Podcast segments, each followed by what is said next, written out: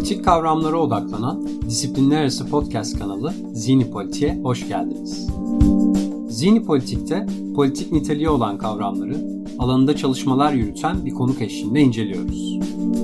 Zini Politik'e tercih ettiğiniz podcast platformundan kulak verebilirsiniz.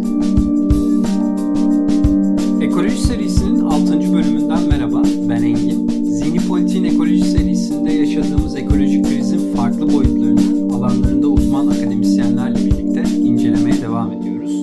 Aynı zamanda bu Zini Politik'in birinci sezonunun son bölümü şimdiye kadar yorumlarını yazmış, desteklerini iletmiş, Zini Politik'i tavsiye eden, yorumlarıyla katkı sunan herkese bizzat teşekkür etmek istiyorum.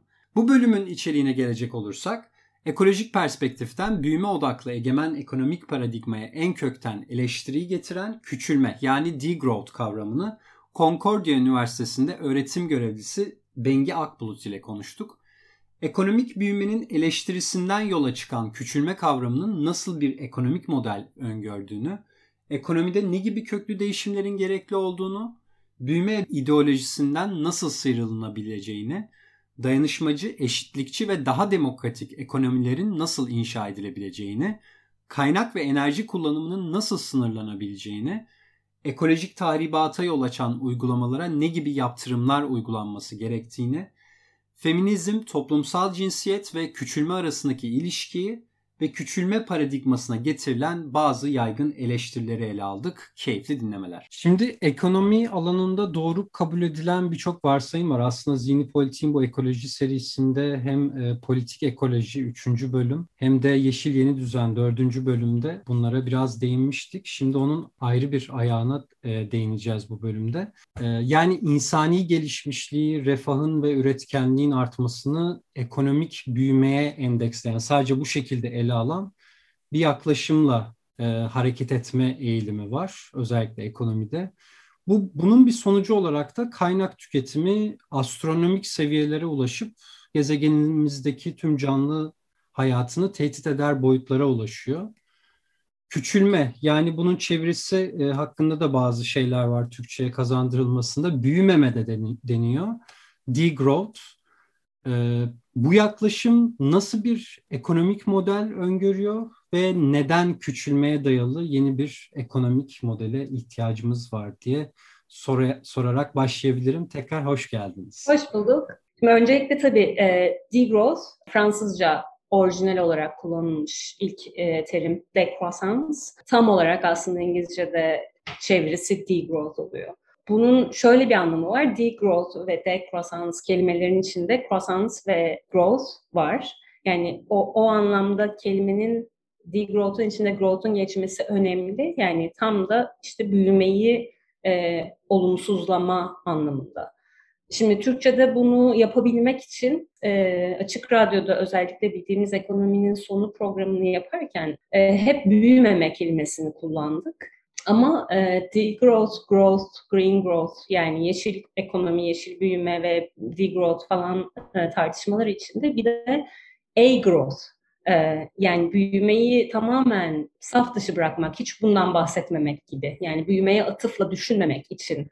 Şimdi onu Türkçe'ye çevirmek için başka bir kelimeye ihtiyaç duyuluyordu falan filan. O yüzden a growth'u büyümeme, e, degrowth'u küçülme olarak en sonunda e, Küçülme Yeni Bir Çağ için Dağarcık kitabında Türkçe çevirisinin e, editörlüğünü ben ve Ethem Turan'ın yaptığı e, böyle bir mutabakata vardık diyeyim. Degrowth'u küçülme olarak çevirmek. Benim yine de çok içime sinen bir şey değil. E, tam da senin söylediğin küçülme neden ya da nasıl bir başka bir ekonomi e, ifade ediyor sorusuna istinaden. Çünkü degrowth sadece bir küçülme e, değil. Yani degrowth sadece yani bir sadece kullandığımız kaynak ve enerji yani kullandığımız madde, materyal ve enerjiyi e, azaltmak değil. Bunun ötesinde bir şey ifade ediyor. Bunu açacağım. Bir ikincisi de sadece e, aynı zamanda da e, ideolojik olarak büyümeden vazgeçmek. Var olan ek- ekonomiler de, ekonomik sistemler de e, dominant olan, hakim olan iktisadi düşünce sistemleri de aslında bugünkü e, ekolojik krizin e, çok da altyapısını oluşturan yani bu düşünce sistemleri aynı zamanda ekonomiye nasıl baktıkları. Bunu neden söylüyorum? Neoklasik iktisat dediğimiz dominant e, hakim ekonomik modelde e, çevre yani ekolojik çevre, biyofiziksel çevre e, ve çevrenin bize verdiği kaynaklar bir şekilde e, piyasalarda e, er ya da geç doğru fiyatlarını bulacakları yani şu anda piyasa dışında olabilir sular, ormanlar, e, atmosfer vesaire. Bunların fiyatları yok. Fiyatları olmadığı için insanlar bunları bedavaymış gibi kullanıyorlar. E, işte ama er ya da geç bu kaynaklar üzerinde e, piyasalar oluşturulacak, doğru fiyatlar olacak. insanlar ve bu fiyatlar aslında var olan kıtlığı yani azalmasını bu kaynakların er ya da geç gösterecekler. E, fiyatlara bu yansıyan kıtlık da insanlara doğru e, sinyalleri verecek, ekonomik aktörlere doğru sinyalleri verecek. E, ekonomik aktörler de işte, aa işte atıyorum petrol çok pahalılaştı. Demek ki petrol tükeniyor. O yüzden petrolü az kullanayım diyecek gibi bir e, teori var. Şimdi bu bir olmuyor. İki e, zaten zaten e, yani bir olmuyor dediğim e, piyasa sinyalleri böyle bir gerçeği e, yans, yansıtan, ekolojik gerçekleri yansıtan e, mekanizmalar değil. Aynı zamanda ekoloji kompleks bir şey, biyofiziksel sistem kompleks bir şey. Geleceğe dair ne tür sıkıntılar ya da ne tür kıtlıklar ifade edeceği şu an bugünkü ekolojik süreçlerin piyasanın bilebileceği, piyasadaki aktörlerin bunu fiyatlayabileceği sistemler değil. Yani piyasa sinyallerinin bize ekolojik gerçekleri ifade etmesi imkansız. Çevreyi korumak için çevreyi sağlaştırmak lazım gibi bir anlayış son derece yanlış. Ve şu, bugün özellikle yeşil büyüme ve yeşil yeşil kapitalizm, yeşil büyüme tartışmalarının içinde çok fazla olan varsayım ve bugün yine ekolojik dönüşüm ya da işte bir şekilde daha ekolojik bir geleceğe e, geçiş tartışmalarında çok yer bulan teknolojik gelişmenin e, bir şekilde bizi kaynak kıtlığından azade edebileceği varsayımı. Bu ne demek? Yeşil teknolojiler hem belli şeyleri üretmenin daha temiz, daha ekolojik yolları olarak ifade edebileceğimiz hem de e, ürettiğimiz atığı dönüştürmenin yani hem kaynak kullanımı hem de atıkların yarattığı ekolojik baskıları bir şekilde alt edebilecek teknolojilerin atığımızı daha kolay, daha iyi temizlemek diyebileceğimiz er ya da geç bulunacağı o yüzden bugün kaynak kullanımımızı kısıtlamanın bir gereği olmadığı, biz büyümeye devam edelim. Büyüdükçe zaten daha iyi teknolojileri bulabileceğiz. E, bu teknolojileri de bulduğumuz zaman büyümenin ekolojik maliyetlerini bir şekilde bertaraf edebileceğiz ya da geri döndürebileceğiz varsayımı. Bu hem teorik olarak söylediğim gibi iktisadi düşüncenin içinde hem de e, gerçekten ekonomilerin bugün nasıl şekillendirildiğinin içinde çok kuvvetli olan bir varsayım. Şimdi bunun da ampirik olarak da geçerliliği, teorik olarak da geçerliliği çok tartışmalı. Küçülme ise bunların hepsine bir eleştiri. En başta söylediğim küçülme hem bir küçülme yani fiziksel anlamda bir küçülme ifade eden hem de bir büyüme hakkında nasıl düşündüğümüz. İkincisi de ekonomilerimizi nasıl örgütlediğimiz, ekonomilerin neye hizmet ettiğini sorunsallaştırmak araştıran bir düşünce. Ben genellikle kendi derslerimde de senin bu podcast'in gibi e, yaptığımız görüşmelerde de e, şöyle tanımlıyorum küçülmeyi ki bu yine küçülme e, yeni bir şahisin dağarcık kitabının asıl editörleri Giacomo Dalisa, Federico De Maria ve Yorgos Kalis'in de aslında sistematize ettiği bir tanım. Bir küçülme hakikaten bir küçülme yani bir azalma, bir e, kendini kendi kendini limitleme projesi. Bu ne demek? Her toplum sonuçta kendi iktisadi ilişkilerini yeniden üretmek için e, devam ettirmek için doğal çevreden bir takım kaynak diyelim alır. Bunları metabolize eder. Yani farklı amaçlar için kullanır, dönüştürür. Sonunda da bir atık yaratır. Şimdi küçülmenin ilk ve en doğrudan en basit tanımı bu kaynak kullanımını, materyal ve enerji çekimini dışarıdan e, azaltmak. Çünkü burada yani normal daha ekomodernist e, varsayımların ya da e, teknoloji optimist varsayımların e, aksine e, teknolojik gelişmenin ekonomik büyümeyi ya da ekonomik aktiviteleri biyofiziksel etkilerinden tamamen bağımsızlaştıramayacağı, ekonomik aktivitenin her zaman bir ekolojik maliyeti, bir ekolojik etkisi olacağı anlayışı var. Bunun kökenleri biyoekonomiye gidiyor, termodinamiğe gidiyor. E, George S. Kurogen'in e, yazdığı ek- ekonomiyi bir termodinamik sistem olarak e, anlama yazılarına gidiyor. Teknoloji bizi kurtaramaz. Bizim bir şekilde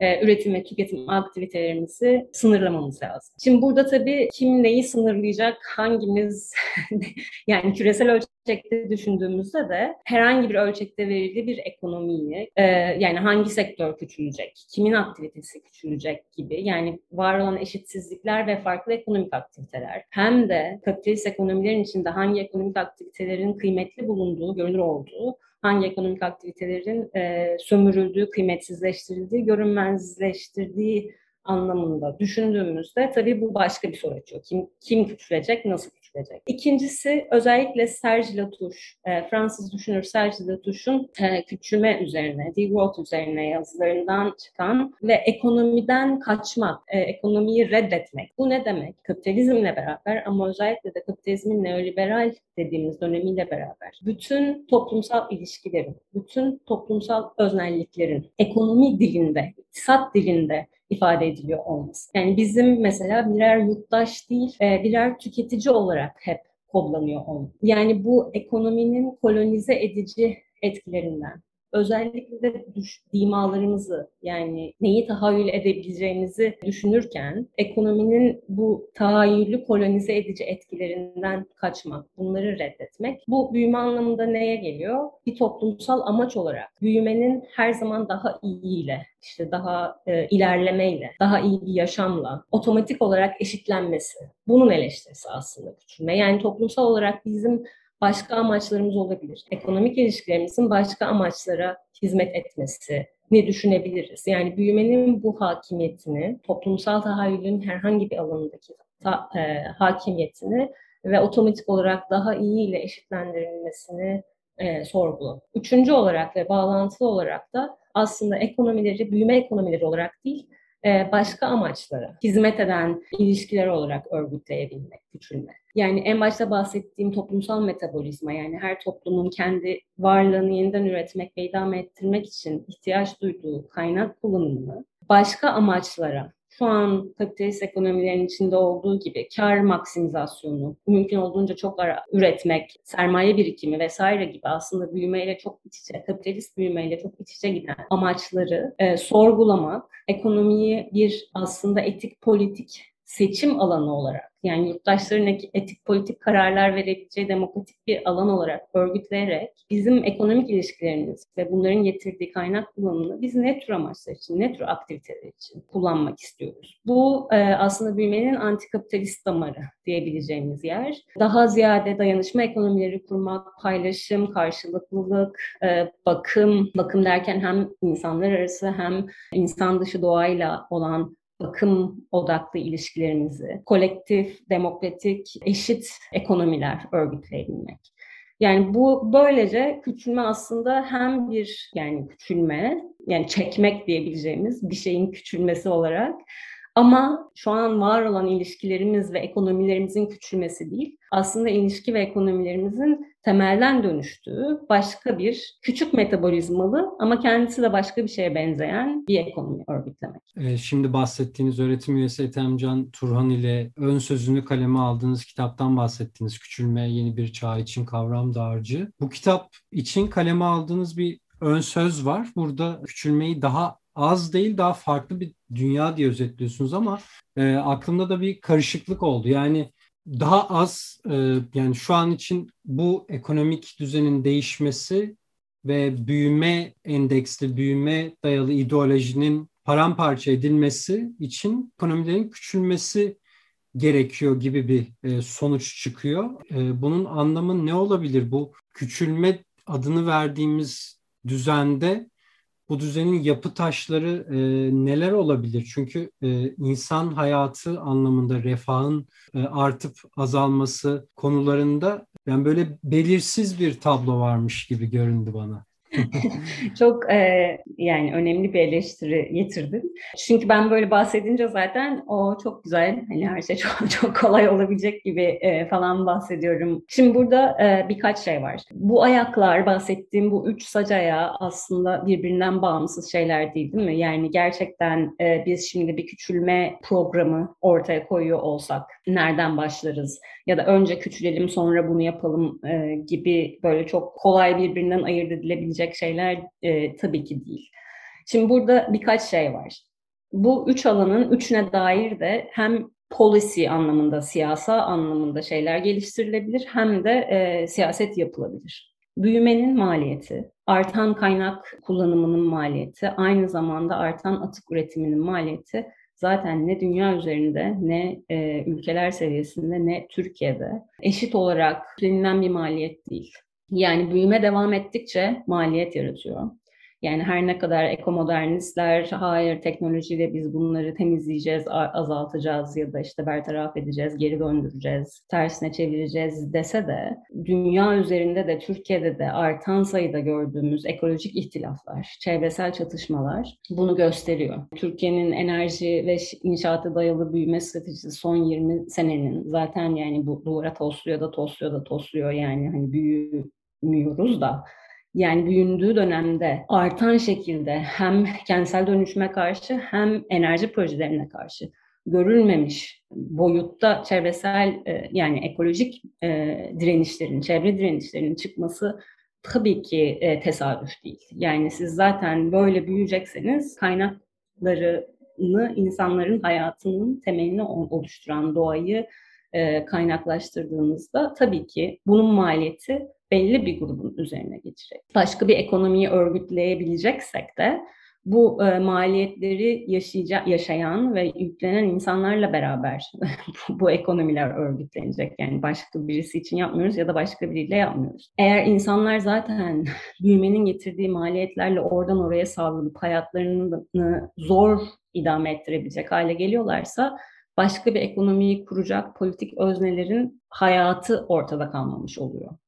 O yüzden yani büyümeyi bugün durdurmak, en azından e, kaynak kullanımına sınırlar getirmek ya da e, atıkların e, nereye konulacağı, atık üretimine e, bir takım sınırlar getirilmesi zaten e, çok iyi bir birinci adım. Bu anlamda kullanılan e, ya da ortaya konulan daha çok uluslararası alanda e, politik önerileri arasında işte yani bir fiyatlandırma en başta söylediğim yani kaynakların fiyatlandırılarak işte piyasa üzerinden bir şekilde e, korumaya alınması ya da kullanımlarının azaltılmasından ziyade doğrudan fiziksel kotalarla kaynak kullanımının sınırlandırılmasına dair e, bir takım politik önerileri var. Bir sene içinde şundan fazla, şu kadardan fazla mesela karbon emisyonu üretmeyeceğiz demek. Yani bunu piyasaya bırakmak bir karbon piyasasının ne kadar karbon e, emisyonunda bulunacağımızı karar vermesinden ziyade toplum olarak biz e, fiziksel bir, biyofiziksel bir sınır koyuyoruz atık üretimimize demek. Ya da işte bir sene içinde bu kadardan fazla maden çıkarmayacağız demek. Yani bir takım özellikle hafriyatçı aktivitelere, extractivist dediğimiz aktivitelere e, biyofiziksel kotalar ya da moratoriumlar getirilmesi. Latin Amerika, e, özellikle Orta Amerika ülkelerinde mesela yeni maden aktivitelerine moratorium getirilmesi e, konuşulmuş, e, tartışılmış. Guatemala'da hatırladığım kadarıyla da politik haline getirilmiş bir durum mesela. E, ya da yeni e, altyapı projelerine, mega projelere moratorium getirmek. Yani bu anlamda bir kaynak e, ve enerji kullanımını sınırlamak e, mümkün. İkinci olarak bu büyümenin bahsettiğim e, zaten eşitsiz paylaşımı hem getirilerinin hem götürülerinin eşitsiz paylaşımını bir şekilde ele alacak politikalar geliştirilmesi. Yine temel gelir desteği, Universal Basic Income dediğimiz Universal Basic Income temel gelir desteği aslında insanların refahının yani en azından e, nasıl diyeyim parasal gelire bağlı olan refahın büyümeden yani o ülkenin ya da o bölgenin ne kadar büyüyüp büyümediğinden bağımsız olarak garanti edilmesi ki böylece yani e, mesela kaynak kullanımını kısıtladığımız zaman e, ve bir ülkenin büyümesini o anlamda kaynak kullanımının büyümesini kısıtladığımız zaman belki de e, o ülkenin en alt tabakalarında yaşayan grupların bundan negatif etkilenmesini engelleyecek şey e, temel gelir desteği. Bunun yanı sıra azami bir insanın ne kadar para kazanabileceğini de bir takım e, sınırlar getirilmesi. Yani bunlar hep aslında ve aynı zamanda e, mesela vergi sisteminin daha e, eşitlikçi hale getirilmesi. Vergi sisteminde e, özellikle çevresel kaynak kullanımını e, cezalandırmak, temel ihtiyaçların vergilendirilmesinden ziyade özellikle kaynak ve çevreyi bozarak karlarına kar et, et, ekleyen mesela şirketlerin iyi ve adaletli bir şekilde vergilendirilmesi ve bu vergilerin mesela daha eşitlikçi ve hakkaniyetli bir şekilde dağıtılmasından bahsedebiliriz. Bir üçüncü ayak hem yani çok daha tabandan gelen birçok alternatif ekonomi hareketi de var. Daha dayanışmacı, daha eşitlikçi, kolektif ve demokratik ekonomik e, inisiyatiflere, e, kent bostanları olabilir, kooperatifler olabilir, tüketici kooperatifleri olabilir, e, yerel paralar Türkiye'de çok örneğini görmüyoruz ama kapitalizmin dışında ve kapitalizme karşı bir ekonomik hayat örgütlemeye çalışan inisiyatiflerin desteklenmesi.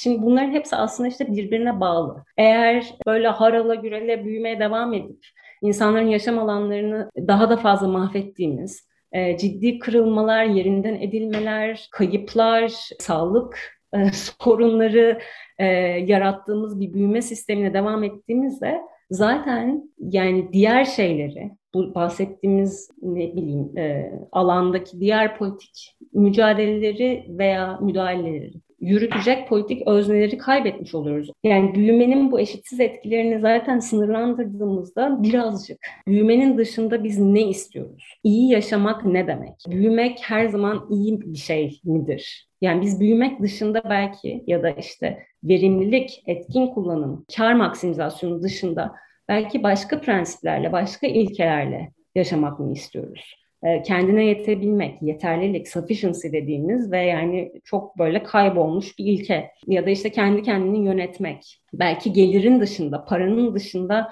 hayatımıza kıymet katan başka şeyleri düşünmek, bunları örgütleyebilmek gibi. Çok daha tabandan da başlanabilir. Yani diyeyim daha alternatif, kapitalizm alternatif, daha demokratik, daha ihtiyaç temelli e, ve insanların gerçekten yani büyümek ve kardan ziyade ihtiyaçları karşılamak üzerine örgütlediği demokratik ekonomilerin güçlendirilmesi. Yani o yüzden böyle başlanabilecek birçok ölçek, birçok pratik var ve e, sonuçta e, ne bileyim demokratik ekonomilerin kurulması mücadelesi sadece küçülmecilerin mücadelesi değil.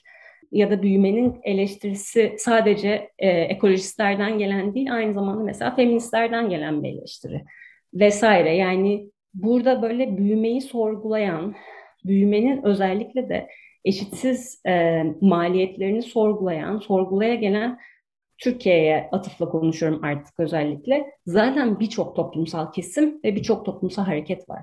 Bunların yan yana gelebilmesi ve yani bir tür e, büyüme eleştirisini yapacak bir e, geniş bir zemin, toplumsal e, hareket zemininin oluşturulması çok anahtar geliyor bana. E, en son bıraktığınız yerden devam edelim. Peki bu sizin de özellikle çalışma alanınıza girdiği için e, birçok yerde makaleniz, söyleşiniz de var bu konularda. Toplumsal cinsiyet eşitsizliği de bu bahsetmiş olduğunuz e, eşitsizliklerden en önemlilerinden bir tanesi. Bunu küçülme perspektifinden nasıl okuyabiliriz? Yani bu e, tablonun içine küçülme modelinin içine nasıl oturuyor? Feminizm ve toplumsal cinsiyet eşitliği birbiriyle uyuşan şeyler mi yoksa e, gerilim noktaları da var mı? Tabii ki var.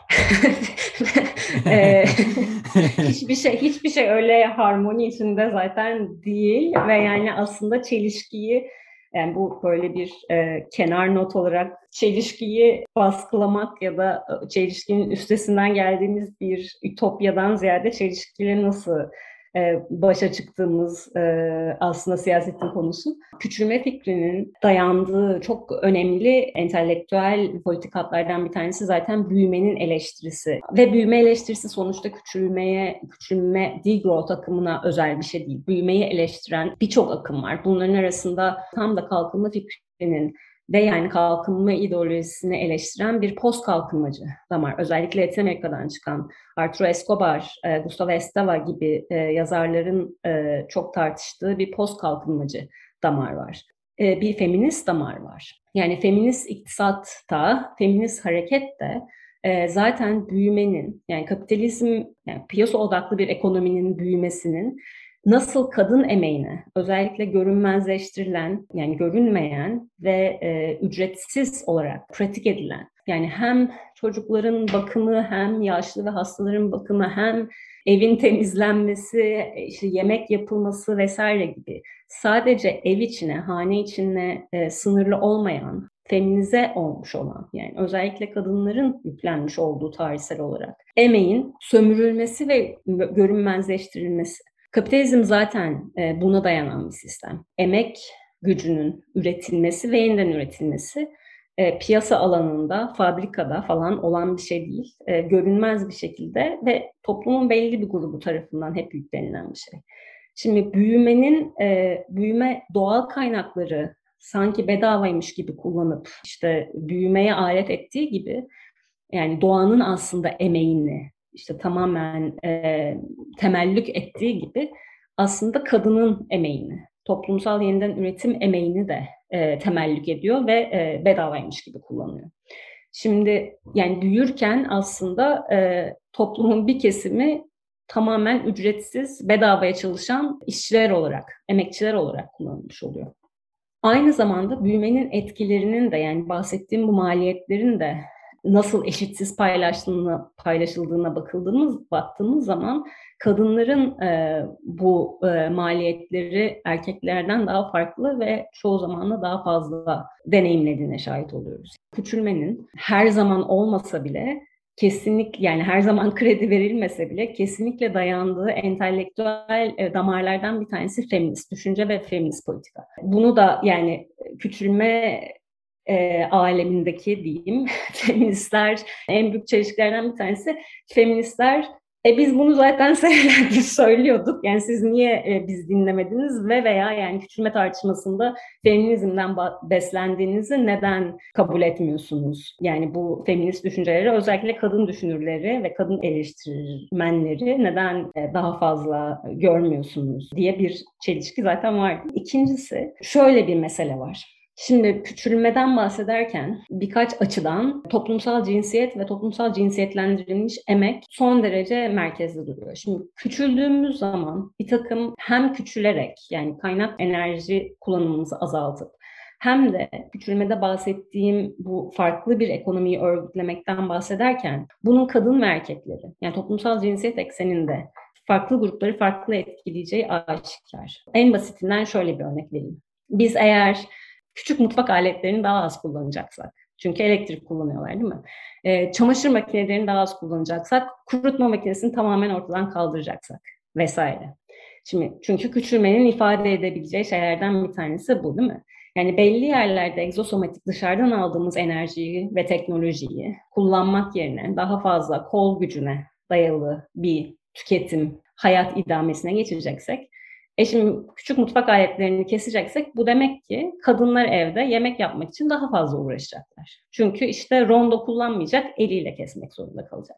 Çamaşır makinesi kullanmayacak mı? da elinde mi yıkayacak? Yani şimdi bu tür böyle dışarıdan aktivite, dışarıdan enerjiyle, egzosomatik enerjiyle yaptığımız aktiviteleri endosomatik, insan enerjisiyle yapmaya başladığımızda e bunları kim yapacak sorusu ortaya çıkıyor. Eğer o yüzden yani var olan toplumsal cinsiyet eşitsizliklerin üzerine bir kaynak azaltımı e, empoze edersek burada kadınların yapmak zorunda kalacağı genellikle işin 3'e 4'e 5'e katlanacağından bahsetmek mümkün. Ya da distopik e, bir dünya gibi. E, evet biraz. Yani ya da işte e, gıdayı biz marketlerden almayacağız. Endüstriyel gıdayı reddedeceğiz. Eyvallah yani ben benim bunda hiçbir sorunum yok zaten ama şimdi bunun yerine biz kent bostanları yapacaksak kent bostanlarındaki emeği kim verecek? Yani burada e, bir şekilde çok genel seviyeden baktığımızda küçülmenin ifade ettiği hem küçülme hem ekonomik transformasyon dönüşüm açısından yeniden üretime odaklı bir ekonomi örgütlüyorsak Aynı zamanda yeniden üretimi demokratikleştirmemiz gerekiyor. Yeniden üretimin kadınların ve kadınlaştırılmış emeğin, cinsiyetlendirilmiş emeğin üzerinde olmaması gerekiyor. Aynı zamanda yeniden üretimi devrimcileştirmemiz gerekiyor. Orayı dönüştürmemiz de gerekiyor ve bunlar e, ayrı ayrı gidecek şeyler değil. Bunlar yan yana gitmesi gereken, iç içe gitmesi gereken şeyler. Yani daha güncele de gelmek istiyorum ben. Mesela şu yani bu pandemi döneminde üretim ekonomisinin ve dağıtım ve tedarik zincirlerinin çok ciddi sekteye uğradığını ve e, bir şekilde ekonominin sarsıldığını ve daha direkt bir şekilde ifade etmek gerekirse hani bu büyümeye dayalı bu modelde ki çatlakları ve şeyleri görmeye başladık aslında. Burada küçülmeden dersler alınabilir mi? Bir şeyler yapılabilir mi bu konuda? Ee, özellikle bu kırılganlığı ortadan kaldırmak ya da azaltmak için. Çok iyi bir soru. Çok da aslında e, özellikle daha pandeminin belki erken günlerinde hem küçülmecilerin diyeyim hem küçülme sempatizanlarının çok ajandasında olmuş olan bir soru. Haklısın yani e, pandeminin belki de önümüze koyduğu en önemli derslerden bir tanesiydi e, ekonomik sistemlerimizin neye hizmet ettiği. E, bir anda insanlar kapandığında ve temel ihtiyaçlarını karşılamak üzere dışarı baktıklarında e, hiç de ihtiyaca göre şekillenmiş, e, organize edilmiş bir ekonomi yok. Ne kar getirirse, ne satarsa, ne satacaksa sonuçta kapitalist piyasa e, merkezli ekon ve büyüme merkezli ekonomiler piyasaya üretim yapan, piyasada bir karşılığı olan hizmet ve malları diyeyim üretmeye e, yani yapısal olarak böyle bir ekonomide yaşıyoruz. Yani bir anda böyle ihtiyacımız olan şeylerin hiç üretilmediği ya da bize ulaşmadığı bir ortama geldiğimizde hakikaten ihtiyaç nedir? Bizim ekonomilerimiz niye bunları üretmiyor? gibi bir soruyla karşılaştık pandeminin çok böyle ortaya çıkardığı özellikle tabii yani ben pandemiyi Türkiye'de yaşamıyorum Kuzey Amerika'da, Kanada'da yaşıyorum. E, essential workers dediği denilen burada. Yani özellikle bizim ihtiyaç duyduğumuz, temel ihtiyaç duyduğumuz hizmet ve malları üreten. Yani bu gıda sektöründe çalışanlar, e, çiftliklerde çalışanlar yani hakikaten toprakta çalışan e, gıda üreticileri, restoranlarda çalışan ya da süpermarketlerde, marketlerde, dağıtım merkezlerinde çalışanlar. Bundan daha da temel olarak sağlık sektöründe çalışanlar, bakım sektöründe çalışanlar, eğitim sektöründe çalışanlar. Yani aslında toplumun kendi kendini yeniden üretmesi için ihtiyaç olan son derece e, hem feminize hem güvencesiz çoğu zamanda özellikle Kanada gibi ülkelerde göçmen emeğiyle yürüyen sektörler bizim ekonomilerimizde, büyüme ekonomilerinde büyümeye değil toplumu yeniden üretmeye yönelik aktiviteler olduğu için zaten kıymet görmeyen, görünmezleştirilen işçi haklarının yani hak getire olduğu sektörler. Şimdi pandemi aslında bir şekilde bu çelişkiyi ortaya koydu. Yani bizim en çok ihtiyacımız olan şeyleri e, ekonomilerimiz üretmiyor.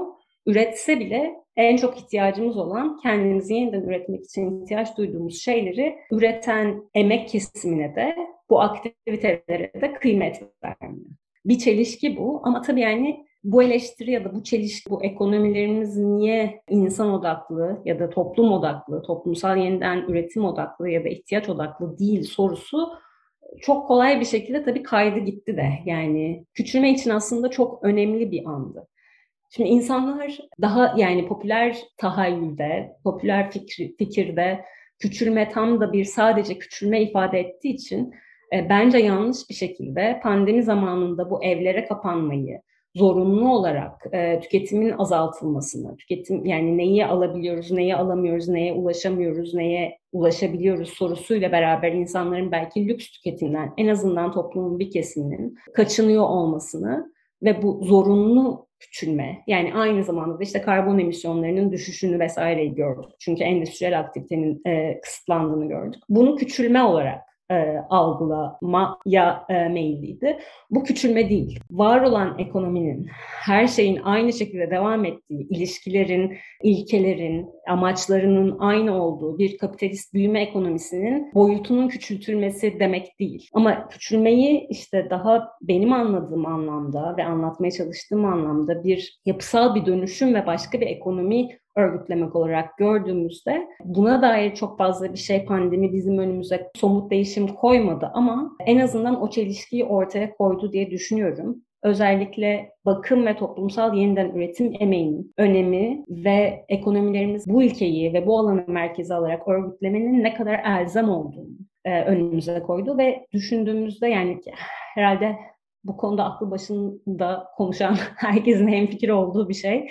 Yani Covid-19 pandemisi en azından ne yazık ki son olmayacak. Yani hem bunun azaltmak için, bunun ihtimalini azaltmak için hem de krizlere bu kadar açık ekonomileri daha dayanıklı, daha hakkaniyetli ve daha ihtiyaç temelli örgütleyebilmek için hemen harekete geçmemiz gerektiğini bence önümüze koydu. Feminism and Degrowth ağı benim de parçası olduğum FADA e, mesela bir manifesto yazdı. Degrowth yine küçülmeciler manifestolar yazdı. Yani çok böyle hızlı bu e, durumun nasıl bir çelişki ortaya getir çıkardığı ve neden bir küçülme ekonomisine ihtiyacımız olduğuna dair. Yine yani bu bağlamda düşünebilecek temel gelir desteği çağrıları, e, bazı e, yani İspanya gibi ülkelerin de hemen yani gündemlerini aldığı, Yeni Zelanda'da da tartışılan çalışma saatlerinin azaltılması, feminist küçülmecilerin bakım emeği geliri e, mesela talebi bu bağlamda aslında düşünülebilecek e, müdahaleler, küçülme dönüşümüne ön ayak olabilecek müdahaleler. Yani yavaş yavaş sonuna geliyoruz aslında söyleşimizin ama özellikle çevre konularını hem politik ekoloji ve ekoloji çalışanlar arasında az yaygın olmayan bir eleştiri var aslında küçülmeye. Bunu size de sormak istiyorum ben. Özellikle gelişmiş ekonomilere ve yeşil yeni düzen tartışmalarına baktığımızda ekonomik büyümeyle kaynak tüketimini ekolojik tahribat hayatı yani e, birbirinden ayrıştırmak mümkün gibi bir yaklaşım var. Bu bütün e, gelişmiş ekonomiler için geçerli olmayabilir ama bunu başarmakta olan ya da başarmakta olduğu iddia edilen ülkeler var. Çözüm olarak büyüme fikrinden tamamen vazgeçmemiz gerekir mi? Bu neden bu kadar el, elzem? Belki bu şekilde hani vurgulayarak bitirebiliriz e, ve çevresel tahribatsız bir büyüme mümkün olamaz mı? Evet bu en büyük zaten şey şu an kavga kavga konusu. Bu çözülecek bir kavga konusu da değil herhalde yakın zamanda ama şöyle diyeyim. Biraz böyle e, en başta da bahsettiğim, değindiğim bu ekomodernizasyon ya da teknoloji meselesine bağlanıyor. E, çünkü Yeşil Yeni Düzen'in farklı versiyonlarında da e, gördüğümüz ama yani Yeşil Yeni Düzen'in birçok versiyonunun aslında büyümeye olan inancı diyeyim, e, inancının tam olduğunda gördüğümüz böyle bir iyimserlik var teknolojik e, optimizm dediğim. Şimdi burada e, şöyle bir mesele var. Bir, bahsedilen yani bu ayrışma, e, bazı ülkelerde en azından görülen ayrışma da e, yapılan hesaplamaların e, ne kadar kapsamlı olduğu e, ve nereden baktığınıza göre aslında bu ampirik veri de değişiyor. Eğer mesela A ülkesine bakıyorsunuz, A ülkesi bütün termik santrallerini kapatmış. E, o yüzden işte karbon emisyonları mesela az gözüküyor. Ya da işte termik santrallerini kapattığı için ya da işte madencilik aktivitelerini yapmadığı için daha fazla vesaire. Tüketim tarafından o ülkenin sınırları içinden çıkarılan kaynaklar ve e, çıkarılan enerjinin tüketimine baktığımız da A, A ülkesi büyüyor ama kaynak kullanımı azalmış. Çünkü o ülkenin sınırları içinden kullandığı kaynaklar azalmış diye baktığımızda evet ayrışmayı söylemek çok mümkün.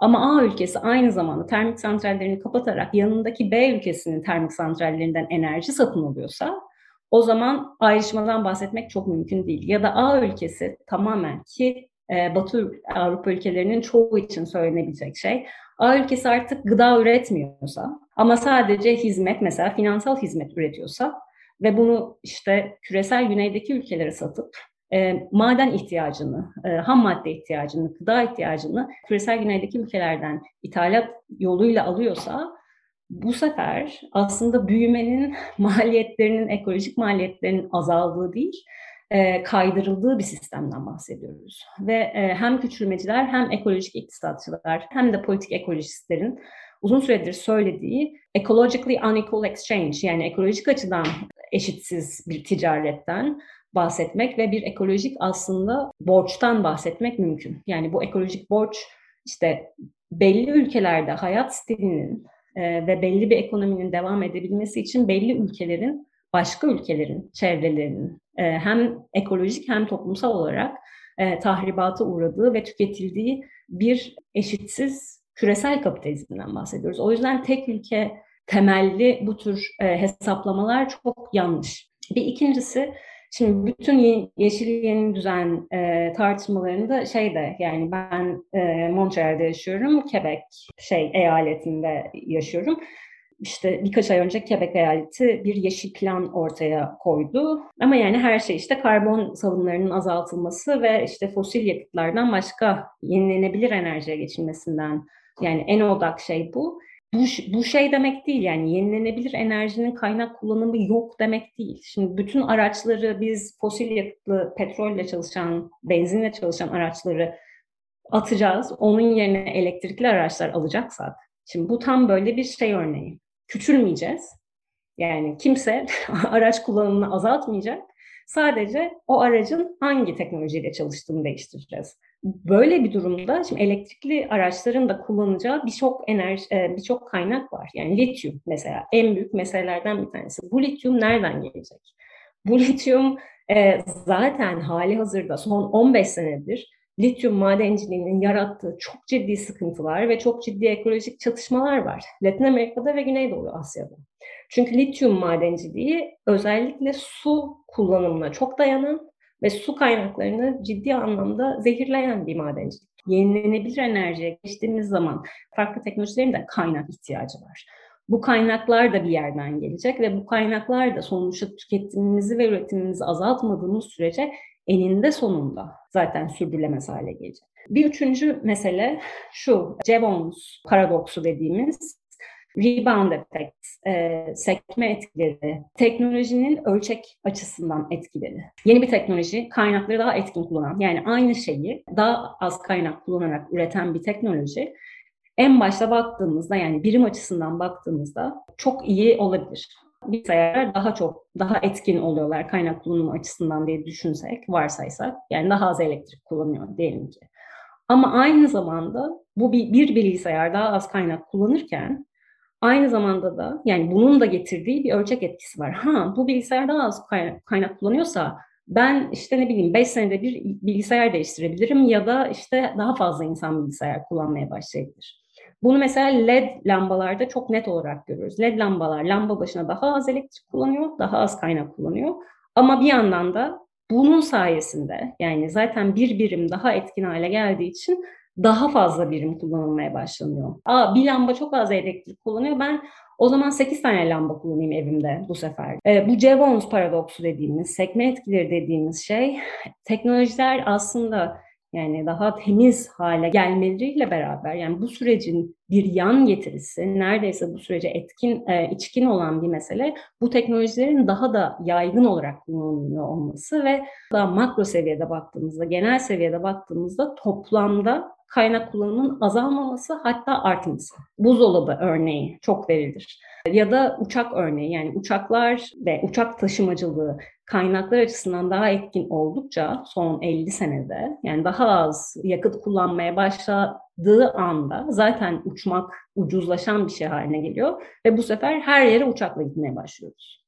Ve eninde sonunda uçuş uçakların yani hava yolu taşımacılığının kullandığı toplam kaynak daha fazla uçak kullanıldığı için toplam kaynak kullanımı artmış oluyor. Yani bu yüzden de teknolojiye çok temkinli yaklaşmak gerekiyor. Bütün bunlar yani kavga var. Aa işte ayrıştılar, ayrışmadı, büyüyen ekonomiler daha az kullanıyor, kullanmıyor vesaire falan gibi. Yine yani bu hesaplamaların hepsine de temkinli yaklaşmak gerektiğini düşünüyorum. Özellikle küresel sistemi e, dikkate aldığımızda hem de yani bu hesaplamaların çoğunun tek bir kaynak üzerinden yani karbon salımıyla büyümenin belki ayrıştığını görebiliriz ama yani lityum kullanımıyla büyümenin de ayrıştığını görüyor muyuz mesela? Her zaman ekonomik ilişkilerin her zaman bir biyofiziksel etkisi olduğunu gördüğümüz yani biyoekonomi dediğimiz alanın bizim önümüze getirdiği aslında bir yerden baktığımızda e, bu ayrışma e, tartışmasına çok temkinli yaklaşmak lazım ve e, yani eğer meraklısı varsa e, son dönemde çıkan yani özellikle küçülmeciler e, Jason Hickel ve e, Yorgos Kalis'in yazdığı bir rapor ya rapor ya makale bu ayrışmanın ne kadar masal olduğu, ne kadar olmadığına dair birçok eleştiri de var. Bence yani ayrışma yok. ayrışma olsa da büyük ihtimalle e, yani belli yerlerde ayrışma var, belli yerlerin doğasının tahribatı maliyetine. Çok güzel çelişkilere e, dikkat çektiniz ama gerçekten çünkü bunu hani görüyoruz. Ya haberlerde bile en son bu geri dönüşüm endüstrisinin ne kadar ekolojik tahribata yol açtı. Daha doğrusu ekolojik tahribatı bir yerden alıp diğer yere taşıdı ve aslında küresel ölçekte yani büyük resme baktığımızda çok da bir şey değiştirmedi. Hatta hayatları mahvetti, eşitsizlikleri daha da körüklediğini vesaire görebiliyoruz. O açıdan e, ekolojik kaygılarla yapılan şeylerin bir kısmı da çevreye bir, bir yandan da zarar vermeye devam ediyor. E, tabii yani geri dönüşüm zaten e, başlı başına e, bence bir sorun. Yani sorunsallaştırılması gereken bir şey.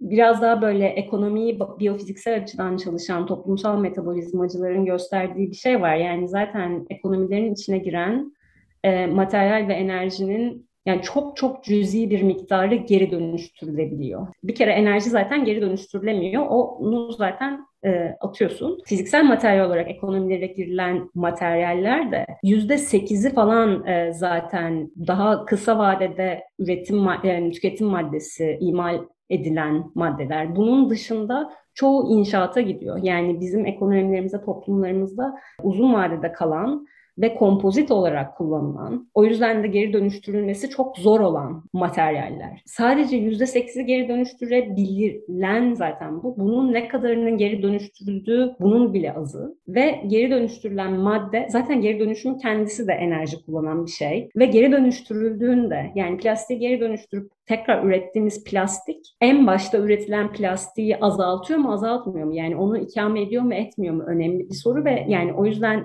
yani gerçekten recycling mi, downcycling mi yani geri değil aşağı mı dönüştürülüyor? Bu da ciddi bir soru. O yüzden geri dönüşüm asla bizi kurtarmayacak. Ve yani kötü olan şey geri dönüştürünce sanki dünyayı kurtarmışız gibi düşün, düşündüğümüz. Yani plastiği geri dönüştürüyorum. O yüzden plastik kullanmamı azaltmama gerek yok ya da plastik üretimini azaltmamıza gerek yokmuşcasına. O fikriyat çok çok tehlikeli. Çok aydınlatıcı, çok öğretici bir program oldu. Ben çok teşekkür ediyorum. Çok şey öğrendim. Ben Sağ teşekkür olun. ediyorum davet ettiğin için. Politiği dinlemeyi tercih ettiğiniz için teşekkürler. Önerilerinizi, yorumlarınızı ve eleştirilerinizi sosyal medya hesaplarında Zihni Politik hesabını etiketleyerek ya da mesaj göndererek paylaşabilirsiniz. Bir sonraki Zihni Politik'te görüşmek üzere.